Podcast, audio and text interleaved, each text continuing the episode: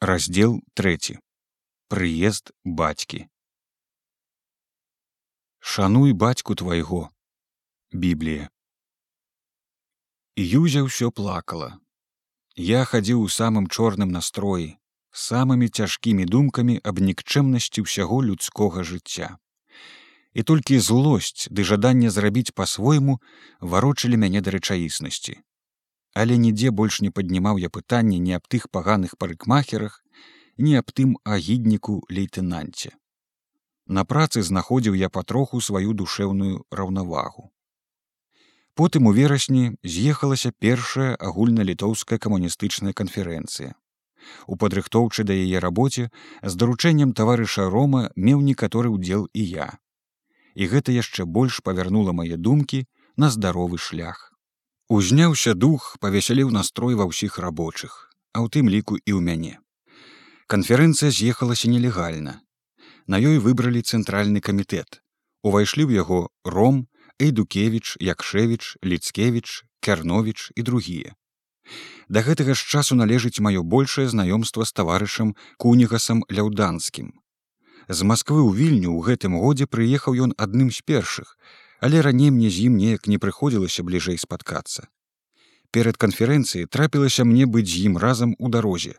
Ездзілі мы па справе і сваімі простымі задушэўнымі гутаркамі ён вельмі падтрымаў мяне ў маім заняпадзе пасля смерці Яні.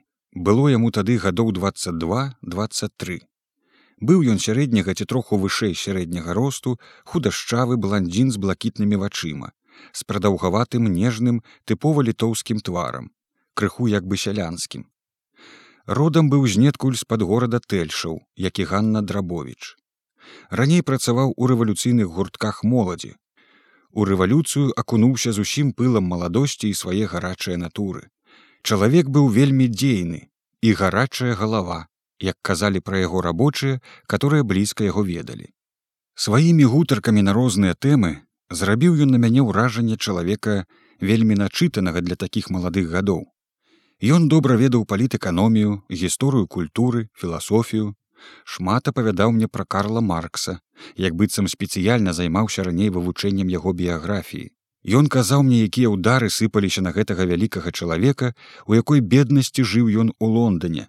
І асабліва засталося мне ў памяці, што ў яго памёрла амаль што ад голаду дачка дзяўчынка, калі пісаў ён капітал. Патроху пачаў я глядзець на жыццё і смерць больш спакойна і здарова. Знайшоў апраўданне, прымірэнне і нават новы імпэт да змагання за лепшае жыццё чалавецтва. Цяпер жа я чакаў, што хутка павінен прыехаць і мой бацька, бо шмат ужо людзей папрыязджала з рассіі. Перабрацца праз фронт цяпер было не так ужо цяжка. Аднойчы ў нядзелю схадзілі мы з юзею на яніну магілку. Пасядзелі там, назбіралі пучок палявых красак на яе пасохлыя жоўтыя камы гліны паклалі і прыйшлі дамоў. З такім пачуццём не быў усё ўжо больш-менш добра. Усё так сяк абляглося стала на сваё месца. І прыйшоўшы гаманілі што вось можа скора ўжо прыедзе і яе бацька і мой. І колькі горкіх навін прыйдзецца нам сказаць ім. Аж якраз амаль што падчас гэтых нашых гутарак яны неспадзявана і з'яўляюцца і абодва разам. Юзя кінулася да бацькі на шыю, горка заплакаўшы, загаласіўшы. І ён застагнаў і зубамі скрыгнуў. Я пазнаў бацьку па чорнай павязцы на воку, і на яго пытанне ты мацей. Павітаўся з ім, хоць і засмучона трошку, але наогул спакойна і радасна. Цалавацца я не асабліва люблю, але той наш пацалунак застаўся мне ў памяці як нешта прыемна дарагое. З выгляду уяўляў я сабе свайго бацьку зусім іншым. Я чамусьці думаў, што і ён вернецца гэткім самым сівым, друзлым і нервовым, як некалі дзядуля. Аж бацька быў яшчэ ў поўным здароўі мужчына, ніжэй сярэдняга росту, але моцны, здаровы і нават не дужа худы з дарогі. Валасы стрых кругом, як і дзядуля, ды былі яны ў яго яшчэ чорныя, густыя, вусы падстрыгаў па-ангельску. Вопратка была даволі чыстая і гаварыў густа і салідна, як чалавек сыты. Часта ўсміхаўся і паказваў белыя, роўныя здаровыя зубы. толькі чорная павязка на левым воку псавала яму як прыехаў выгляд дзесьці ў дарозе на начлезе ў сялянскай хаце ён дастаў сваё шкляное вока і паклаў у шклянку з вадою бо вачніца ад пылу казаў загнаілася а дзеці калі ён заснуў пачалі цікавіцца дасталі шклянкі і пабілі дядзька антоні плахінскі наадварот зусім апусціўся бурыя вусы ў яго пасівелі і яшчэ болей абвіслі сам ён увесь сагнуўся згорбіўся погляд меў пануры прыбіты. А можа, гэта яго так прыціснула вестка аб смерці яні. З бацькам маім з'ехаліся яны ў дарозе выпадкова, здаецца ў оршы на нямецкім каранціне. Ехалі да вільні разам, а ў вільні з вакзала пайшлі проста на пагулянку. Бацька не ведаў, дзе нас з маткаю шукаць, і дзядзька смела павёў яго ў сваю майстэрню. І там, без нас і не ад нас, даведаліся яны пра ўсе горкія навіны. Нам лягчэй было апавядаць ім. Дядзька прыехаў страшэнна худы і брудны абарваны бацька мой калі загаварылі мы пра смерць маці толькі праслязіўся попрасіў каб заўтра я звадзіў яго на магілку мы схадзілі і ён скора прымірыўся з фактам а дядзька ад гора што я не памёрла і так наогул зусім расхварэўся на тым месцы дзе стаяў ложак мае маці мы паставілі яму янін ложак і ён увесь час па прыездзе ляжаў на ім у роспачлівым атупенні. Не хацеў нічога есці, толькі стагнаў, ды калі варочаўся, то скрыгаў зубамі. Бацька мой купіў сабе тапчан і паставіў на тым месцы, дзе спала яня, пры акне бліжэй да святла, бо ўсё чытаў газеты. Ён прывёз з сабою бохан хлеба, кіло цукру і вялікі кавалак сала. А дядзька з прадуктаў не прывёз нічога. Пэўна, дзеля свае нясходныя скупасці бо як потым мы даведаліся прывёз ён грошай і ўсё царскімі бумажкамі свае адносіны мы з юзею спачатку ад іх хавалі але потым яны здагадаліся ці ім суседзі сказалі. Дядзька плахінскі аднёсся да гэтага здаецца зусім безуважна. Бацька ж мой быў з юзею надта ветлівы паслужлівы далікатны. Яна яму спадабалася. Ён прабаваў дапамагаць ёй весці гаспадарку. Вучыў як што трэба зрабіць купіць каб выгадней каб танней.